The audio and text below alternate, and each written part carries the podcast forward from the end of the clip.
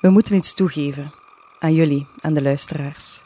Maaike en ik krijgen het nooit voor elkaar om de podcast in één keer goed op te nemen. Nee, we hebben altijd een paar takes nodig. Ja, soms kloppen onze zinsconstructies helemaal niet. Of ik begin ik veel te veel te freewheelen over een thema.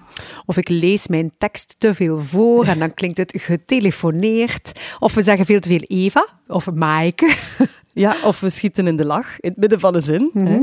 En vaak krijgen we ook eh, woorden niet gezegd. Hè. Soms heel moeilijke neurowoorden, zoals ik ze zo noem. En Maar soms ook heel evidente woorden en zinnen die we maar niet over onze lippen krijgen.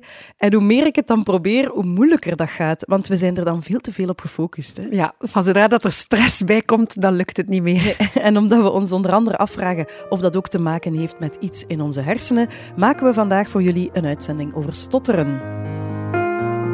Dit is Studio Brein, een podcast van Breinwijzer over de wondere wendingen van je hersenen. Met Eva Moeraert en Maaike Verstraeten.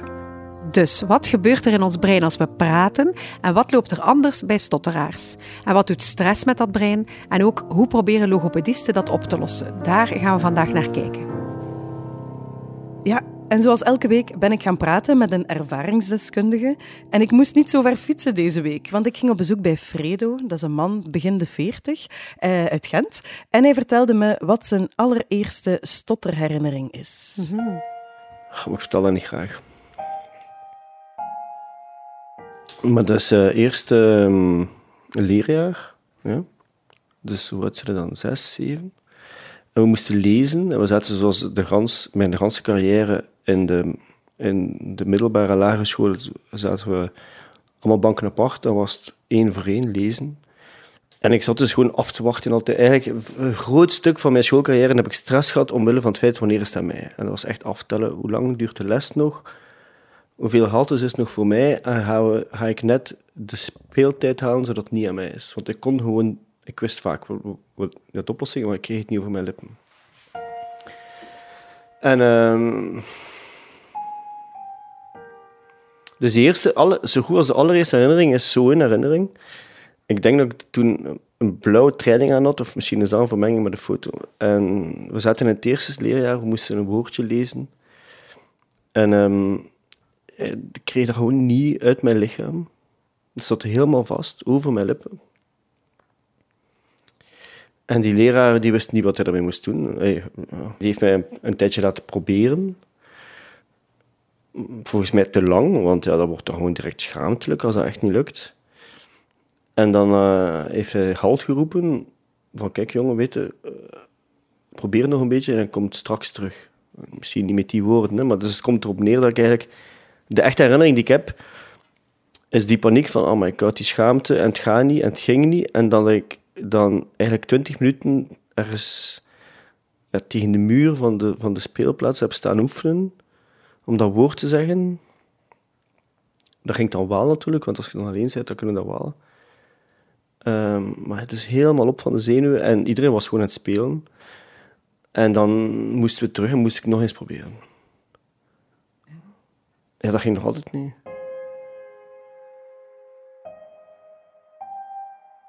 Een van die eerste weken op de lagere school direct begrijpen dat je een outlaw bent. Dat je echt letterlijk met je rug tegen de muur staat en de rest heeft plezier en je weet straks word ik weer uitgelachen. Mijn reactie was gelukkig eh, ehm, niet zelf andere mensen onder mij zoeken. En eh, ik, heb wel, ik heb wel een beetje geëxperimenteerd van kan ik aandacht afleiden en meer ehm, en ook andere mensen uitlachen. Maar dat voelde gewoon niet goed, dus mijn reflex was eerder zo een sociale reflex, van we gaan samen andere mensen helpen, of gewoon opvallen, of zo de specialen uithangen. Allee, ik vind dat gelukkig, omdat ik mezelf niet graag zou zien, moest ik eh, een pestkop geweest zijn. Ik wil eigenlijk al heel tijd pestkop zeggen, maar ik krijg het niet over mijn lippen. Dat doe ik dus nog altijd, hè. woorden ontwijken. Dat is zo'n red flag. Als je, eh, als je praat en je vormt een idee van wat je wil zeggen, weten, ja, ik heb beslist toen ergens in mijn jeugd, ik wil geen pestkop zijn.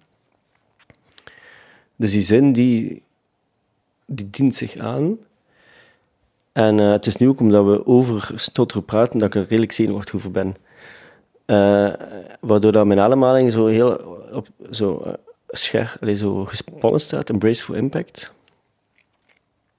Het is gelijk dat je op vakantie zou vertrekken en uw, uw collega zegt of uw baas van ah, na je vakantie gaan we een evaluatiegesprek doen. Weet je, wat? je weet gewoon van, de, de, of op weekend, de hele weekend ga ik daarmee bezig zijn. Je wordt gespannen, dus ik... Ja. Ja, Maaike, we horen Fredo hier zeggen dat hij bepaalde woorden niet uitgesproken krijgt, hè, zoals pestkop. Uh, jij hebt onderzocht hoe dat komt, hè, hoe dat werkt in ons brein. Goh, tenminste, ik zal eerst iets vertellen over hoe wij praten en hoe mhm. dat bij ons werkt in ons brein. Want praten lijkt iets super normaal en heel eenvoudig, maar in een fractie van een seconde, eigenlijk als je begint, gaan er verschillende hersengebieden aan het werk. Ja. Er is een, um, een, een, prefrontaal deel, we noemen dat sappig de voorhoofdskwabben van je brein. En daar wordt eerst en vooral bepaald wat je wil zeggen. Dus er gaat informatie vanuit die prefrontale delen naar de, het centrum van Wernicke, dat is het centrum waarmee je taal begrijpt, en het centrum van Broca, waar je taal mee maakt. Mhm. En die twee op hun beurt sturen dan communicatie naar de bewegingscircuits om je mond en je keel en je lippen aan te sturen. Dus zo werkt het normaal. En bij stotteraars gaat er vermoedelijk iets mis in de uh, overdracht tussen al die verschillende hersengebieden. Maar om dat precies goed te snappen, ben ik langs geweest bij Dirk de Ridder. Dat is een neurochirurg mhm. die verbonden was vroeger aan de Universiteit van Antwerpen, maar al heel lang in Nieuw-Zeeland werkt. En gelukkig even hebben we hem kunnen strekken tijdens een zeldzaam bezoek aan Vlaanderen. Yes. Hij legde ons haarfijn uit wat er gebeurt in het brein bij een stotteraar. Ja, wat er bij een stotteraar gebeurt in de hersenen is dat de spraakgebieden die informatie krijgen vanuit de voorhoofdskwab naar de motoren uh, output, dus naar uw, keel en uw lip, naar uw spieren, dat daar een probleem is in de verbinding en de communicatie. Dus in principe wat er gebeurt is dat je eigenlijk al begint te spreken voor de informatie van wat je moet zeggen toekomt. En dan heb je maar één oplossing en dat is wachten tot die informatie toekomt. En dat ga je doen door te wachten, door pauzes in te lassen, of door te beginnen stotteren, door hetzelfde woord of lettergreep of zelf klinker of medeklinker te gaan herhalen tot de informatie toekomt. Dus er is een, een vertraging op de informatie die van nou, dus de, muziekpartituur komt naar de pianist. De pianist begint te spelen, maar de partituur is er nog niet. En dat leidt tot ja, vertragingen en die vertragingen uiten zich dan als stotteren. Ja, en wat ik ook echt merkte bij Fredo, is dat spreken over stotteren met een stotteraar helemaal niet evident is. Toen dat je mij vroeg om dit gesprek te hebben, maar en, um, omdat je rond het breiden werd, daar werd ik een beetje, een beetje nerveus, nerveus over. Want en plots moet ik dan gaan nadenken over wat de oorzaak is van Hans verhaal. En dat, klopt, dat, dat klinkt alsof dat een soort uh, een mankement is, echt in mijn hoofd of in mijn lichaam. Dus nog altijd ben ik er kwaad om, op een of andere manier. Ik ben echt zo, waarom moet ik daar nu over praten? Laat me een keer meer rust. Wie zeg jij eigenlijk om, om mij er... Dat is zo een soort kwaadheid. Zo, ik heb wel het gevoel dat dat een soort onrecht is. Dat zit wel eigenlijk... Ja. Dus dat, ik draag dat eigenlijk wel echt mee. Niemand weet dat, hè. Ben, ja. Ik weet het niet. Ik praat daarmee bijna niemand over, ik zal het zo zeggen er zullen wel wat mensen zijn die merken, ja, die, die gast die praat raar. Ik weet dat er ook veel mensen zijn die uit de lucht vallen als ik dat zeg. Aangezien dat ik af en toe op een podium sta dat dan absurd is. Uh, maar, um, dus ja, dat is wel iets um, dat me heeft gevormd. Ja, Fredo heeft best wel een heftige jeugd gehad door het stotteren. En uh, samen met zijn ouders zocht hij ook hulp. Hij ging naar heel wat uh, logopedisten om van dat stotteren af te geraken. Ja, logopedie is inderdaad een logische eerste stap bij stotteraars. Tenminste, als het niet vanzelf overgaat. Want heel veel kleuters stotteren en dat mhm. groeit er blijkbaar gewoon uit. En dat vertelde ook Dirk de Ridder in ons interview. Ja, normaal gezien, stotteren komt uh, start rond de leeftijd van drie jaar. En dan zie je dat, die dat de meeste kinderen op zich gaan verbeteren. De verbetering treedt dan op tussen drie en zes jaar bij 80% van de kinderen. Maar als het na zes jaar nog verder stotteren, dan heb je een probleem. Het komt ook iets meer voor bij jongens dan bij meisjes. Ongeveer drie tot vier jongens in vergelijking met uh, één meisje. Maar het is niet omdat een kind van drie jaar wat stottert dat dat een probleem is. Bij 80%, zoals men zegt, groeit dat eruit tegen de leeftijd dat ze naar de eerste, uh, eerste jaar op school gaan. Wel, de, de logopedist kan op een aantal verschillende zaken in uh, werken. Enerzijds gewoon door spraak, door de kinderen te leren van vertraag als je iets zegt. Uh, leer beter ademen als je iets zegt. En ze leren ook de kinderen om de woorden op te breken, eerst in lettergrepen en dan pas met moeilijker woorden te beginnen. Een tweede aspect, behalve de, de logopedie die op zich is natuurlijk ook om de kinderen te leren dat eh, inderdaad als men in een stressvolle situatie zit, als je vooraan in de klas moet komen en een spreekbeurt geven, dat dat normaal is, dat dat het stotteren zal verergeren. En men leert die kinderen ook dat dat geen probleem hoeft te zijn. Dus een psychologische benadering van uh, het stotteren kan leiden tot stress en de stress verergert stotteren en dan raak je in een vicieuze cirkel waar de kinderen dan bijna totaal blokkeren. Is dus ook belangrijk om aan te leren dat dat niet zo'n groot uh, probleem is. Ja, eh, ik blijf dat straf vinden. Dat we door middel van spraaktherapie, eigenlijk, logopedie, onze hersenen kunnen herprogrammeren en beter kunnen praten. En uh, daarom ging ik zelf ook nog eens naar de logopedist. En je merkt het misschien wel, uh, Maaike, dat ik veel minder over mijn woorden val vandaag. Het is opvallend. Aha. Enfin, ik ging langs bij een docent aan de Artevelde Hogeschool en stotterexperte. Sarah van Houten heet ze. En mhm. mijn therapie klonk zo.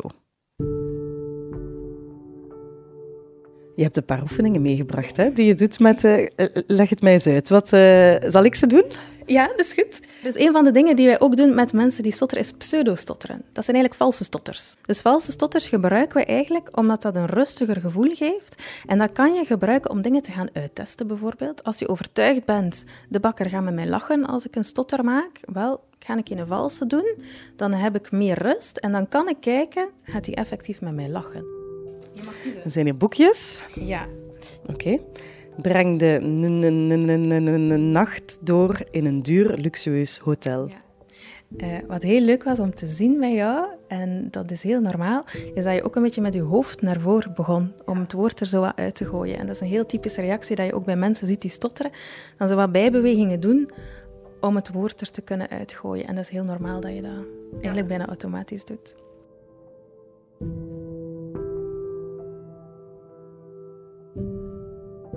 Wat ik ook merkte bij Fredo, is dat hij niet eens wist dat het iets in zijn hersenen was. Ja, dat valt mij ook op dat er veel mensen zijn die dat niet weten, dat dat inderdaad iets in de, in de hersenen is.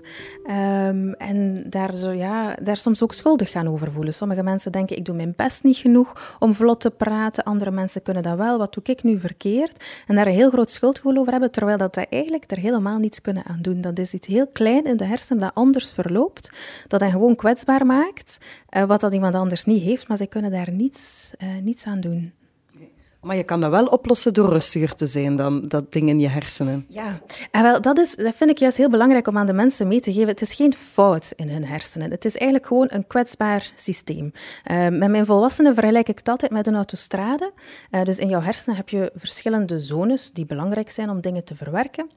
En tussen die zones heb je banen, want de informatie van de ene zone moet doorgegeven worden naar de andere zone. En dat is een beetje zoals een autostrade, die brengt je van de ene stad naar de andere stad.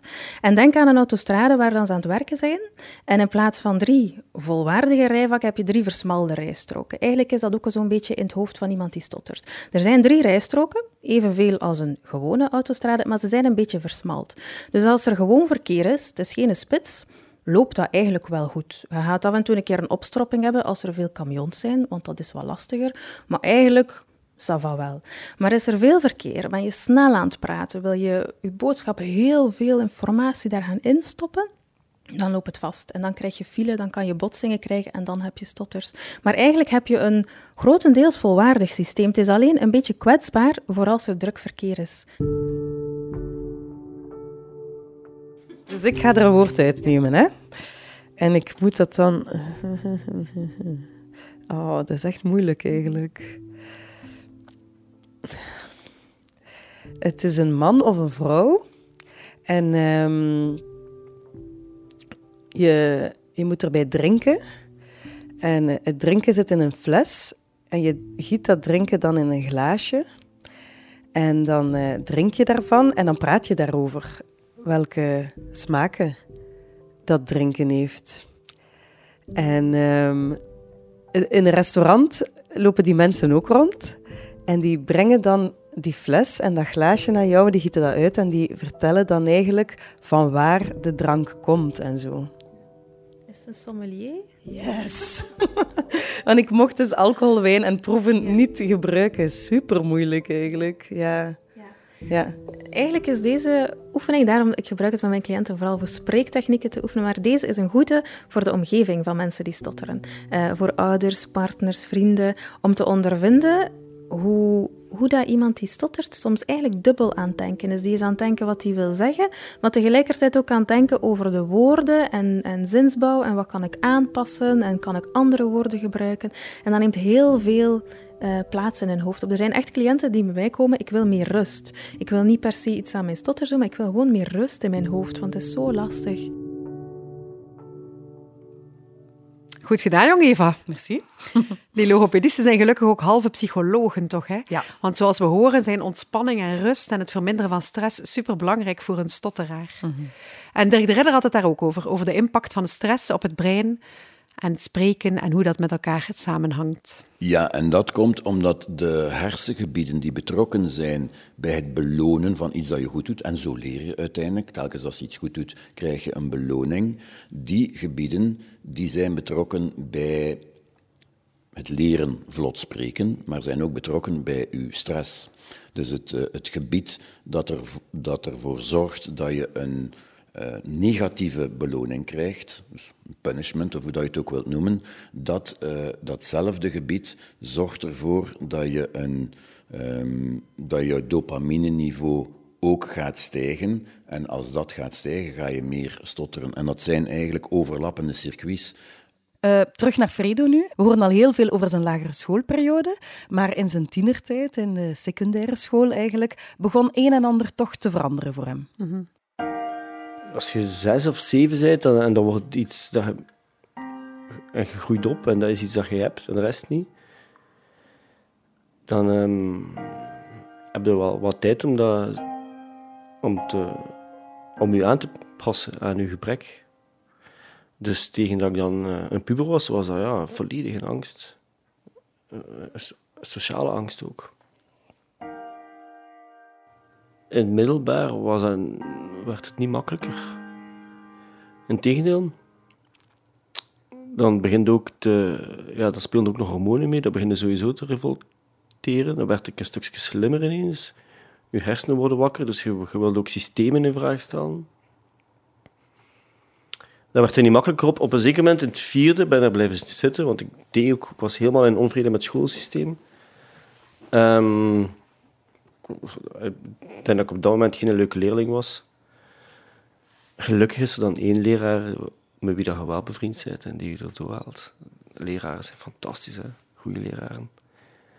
Maar in ieder geval, in het vijfde, het vierde, toen dat ik een beetje zo uh, mezelf aan het vinden was en ook een manier om te, uh, aan het ontdekken was om wel te kunnen praten en eigenlijk mezelf uit te drukken, want daarover gaat het. Hè. Toen dacht ik wel van, kijk, ik ga overleven, maar ik ga nooit kunnen studeren en toen niet. Want um, ja, die examens zijn mondeling. En ook al weet ik het, ga het toch niet kunnen zijn. Dus ik ga gewoon op zoek naar een andere school.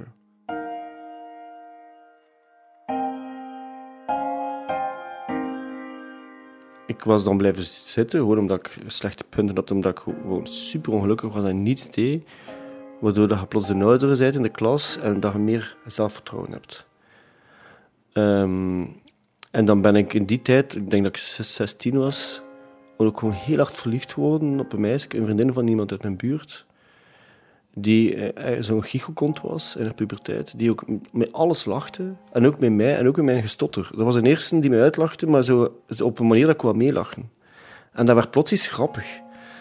En die vond dat gewoon super schattig. Ik was er smoor verliefd op. Het is mij nooit gelukt om iets met haar te hebben. En misschien ook goed ook. Want misschien was ik gewoon verliefd op het feit dat zij zo was tegen mij. Um, Maar dat, werd zo wat, ja, dat begon zo wat te ontvriezen eigenlijk.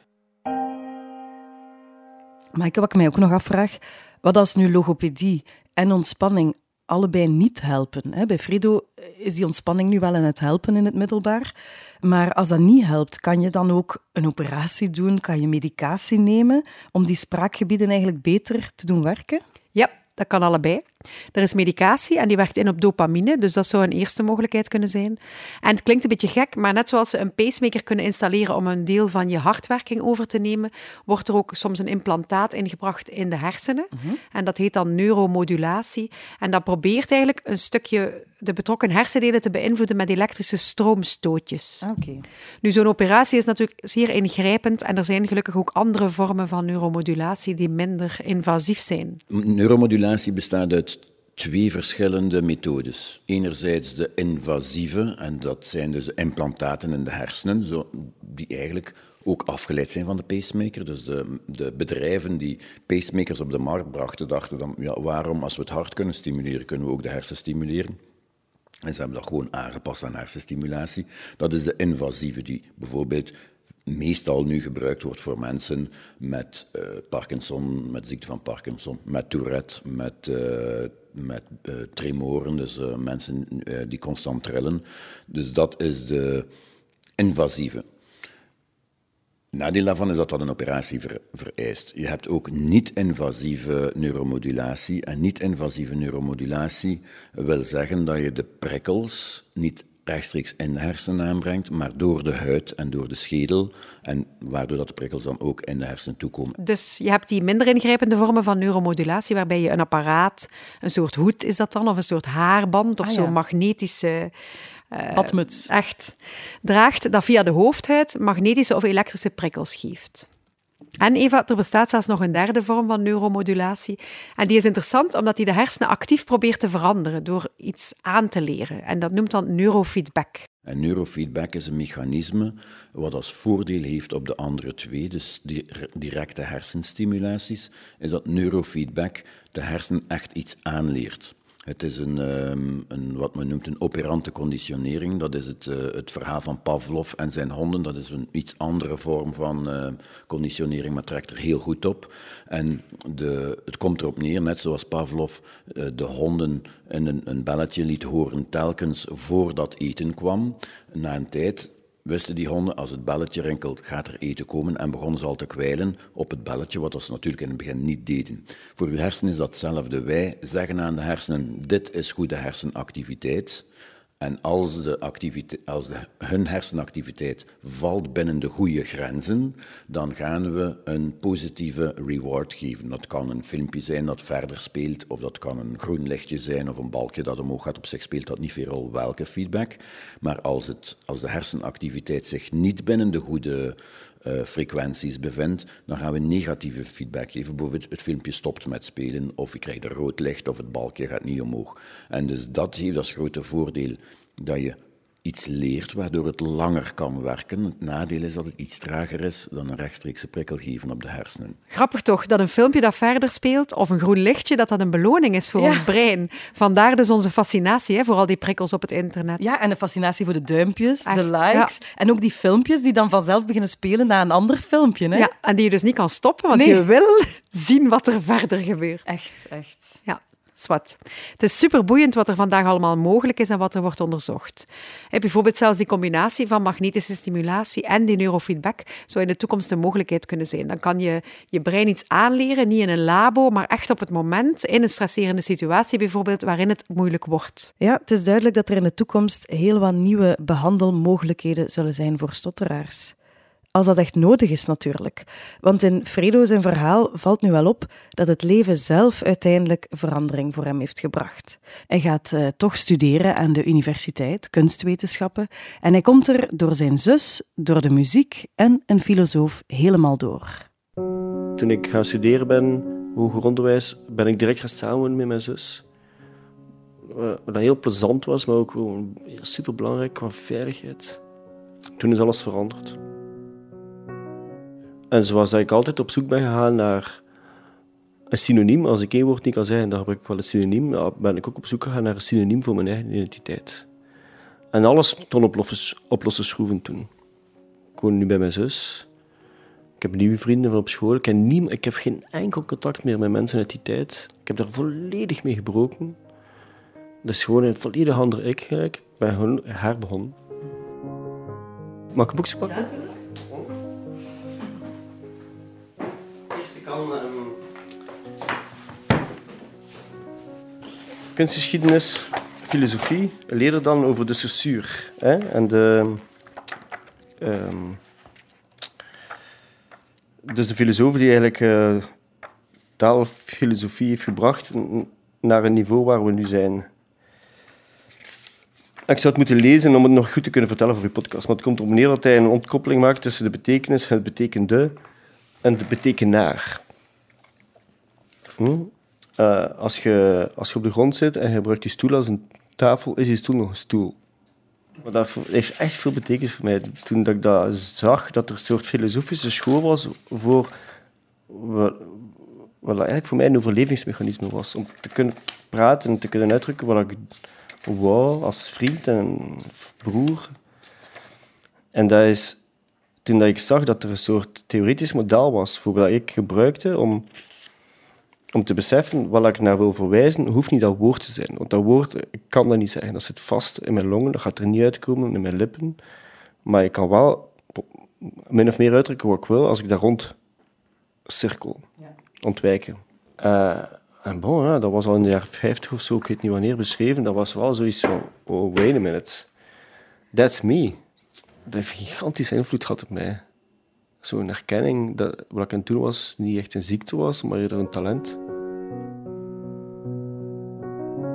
En dan zijn er ook nog een paar heel grappige eh, macro-economische aspecten die daarin meespelen. Want namelijk was, ben mijn, mijn hele middelbare schoolperiode heel hard verliefd geweest op muziek, omdat dat een manier is om je uit te drukken zonder dat ik moest spreken. Uh, ze zeggen dat dan, als je stottert, proberen te zingen. Op een zeker moment was ik zo kwaad op de wereld dat ik zelf erin sloeg om ook te, uh, al zingen te stotteren. Omdat ik wil bewijzen, mijn probleem overstijgt zelfs uw trucje. maar bon, muziek was echt een uitvlucht, een uitvlucht. En dan ging ik naar Tunif en dan waren er net veel mp3's en uh, peer-to-peer networks. En ik zat dus nachtenlang te zoeken naar muziek. En ik ben helemaal in zo'n muzieksfeer gedoken. Um, en beginnen draaien. En dat was dan mijn manier om uit te drukken. Dan was ik een DJ plots. En toen was ik niet meer Frederik, maar Fredo. En ik, ja, dat praten was gewoon minder belangrijk. Ja, zo ken ik hem ook, uh, eh, DJ Fredo. Maar uh, ik ken Fredo ook van op de VRT, waar hij heel grote events organiseert, zoals onlangs Media Fast Forward. Uh, ik was er ook trouwens. Hallo. Hallo. Welcome at Media Fast Forward. My name is Fredo and I'm the curator of this day, this festival. We're going to do this day in Dutch and English. Ja, en Fredo heeft ook een boek geschreven onlangs over ethiek en technologie. Hij doet daar heel veel lezingen over, dus hij staat eigenlijk heel veel op een podium. Hij cureerde een tentoonstelling over robots in het Designmuseum in Gent. Op zijn website noemt hij zichzelf een digitaal humanist. En Fredo is ook niet de enige stotteraar die in de schijnwerpers gaan staan is. Dat gebeurt blijkbaar wel vaker. En dat vertelde ook Dirk de Ridder ons misschien het meest gekende voorbeeld uit de oudheid was uh, Demosthenes. Dat was een redenaar, dus die moest constant praten. En die heeft geoefend door op het strand uh, stenen die door de zon waren opgewarmd in zijn mond te steken en daardoor te praten. Men zegt ook van Mozes hetzelfde, dat hij een, een hete kool in zijn mond stak om uh, beter te kunnen communiceren. Maar heel veel andere succesvolle zowel filosofen als, Aristoteles, als wetenschappers zoals Newton, ehm, Darwin en, en dergelijke meer, maar ook uh, politici. Churchill was een stotteraar. Uh, het meest bekende voorbeeld is waarschijnlijk koning uh, George VI van Engeland, van de King's Speech, de film die er gekomen is. Maar ook een aantal heel bekende acteurs, zoals ehm, Julia Roberts, Nicole Kidman, ehm, Samuel L. Jackson, Rowan Atkinson, die stotterden allemaal. Het grote voordeel van een filmster uh, of van een uh, politicus is dat je zou kunnen zeggen, wel, zij moeten alles voorbereiden, dus ze kunnen het als het ware aflezen, waardoor het minder een probleem is. Maar dat geldt voor een beperkte uh, in beperkte mate natuurlijk voor een redenaar of een politicus die vragen krijgt, is dat, is dat niet zo evident. Je kan niet alles voorbereiden. Dus je kan er ook een, een sterkte van maken, omdat het extra kracht vergt om bijvoorbeeld uh, stressweerstandiger te worden. Om te zeggen, desondanks het feit dat het voor mij een probleem is, ga ik er toch uh, ga ik dat probleem overkomen. Maar je ziet dat bij, uh, dus bij zowel mensen uit de wetenschappers, filosofen, filmsterren, politici. Dus het kan voor een groot aantal mensen een sterkte zijn, zijn en toch zal ik tonen dat ik het kan. En aangezien ik al mijn leven oefen met manieren te vinden om wat, er in mij zit naar buiten te, krijgen, is of dat ik dat nu op een podium doe of niet, dat, dat maakt niet uit. Die oefening heb ik al gedaan. Zoals ik zei, probeer dat nu nog zo weinig mogelijk te thematiseren, te articuleren zelf. En dat echt als een talent te zien. Dus um, eigenlijk vragen veel mensen me vaak: wat, wat, wat, was uw opleiding? En uh, ik heb veel geleerd tijdens mijn opleiding. En het is nu pas voor het eerst in mijn leven dat ik min of meer iets doe dat met mijn opleiding te maken heeft. Maar de, ik denk dat mijn grootste opleiding juist afleiding was. Dus ik gebruik dat nu wel echt wel als een, uh, soort moske of een grond of een basis of zoiets, of een grondstof om, om te kijken van wat kan ik hier betekenen in die nieuwe wereld. Eigenlijk ben ik wel dankbaar. Ze.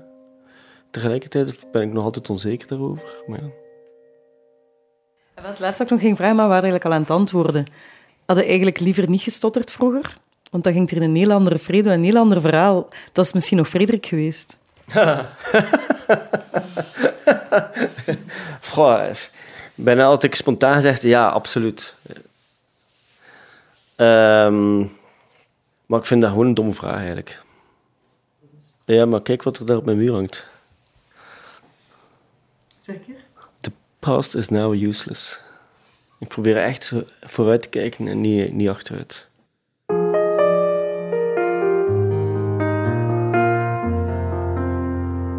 Dit was alweer een bijzonder brein van alle kanten bekeken. Ja, en over twee weken horen we trouwens de laatste podcast van dit oh. seizoen. En dan gaan we kijken naar het, de getuigenis van Floris. En die leidt aan epilepsie. Maar springt toch nog heel graag op zijn koersfiets. Ja, tricky wel. En we gaan dan zelfs in een labo kijken ook. Uh, om te onderzoeken of honden epilepsieaanvallen kunnen voorspellen. Hmm. Maar dat is dus voor over twee weken. Vandaag bedanken we heel graag Niels de Keukelaren voor de mooie jingle en het afmixen. En Sander Lambrecht voor de soundtrack. Ja, en we vallen in herhaling, we weten het. Maar we willen graag nog veel meer luisteraars bereiken. Dus spread the word, stuur de podcast door, deel ze met al je vrienden. En vooral schrijf een recensie in iTunes. Voilà. Zeg, en deze keer hebben we alles opgenomen in één take. voor wie het wil geloven. Tot de volgende. Dag. Studio Brein, een podcast van Breinwijzer over de wondere wendingen van je hersenen.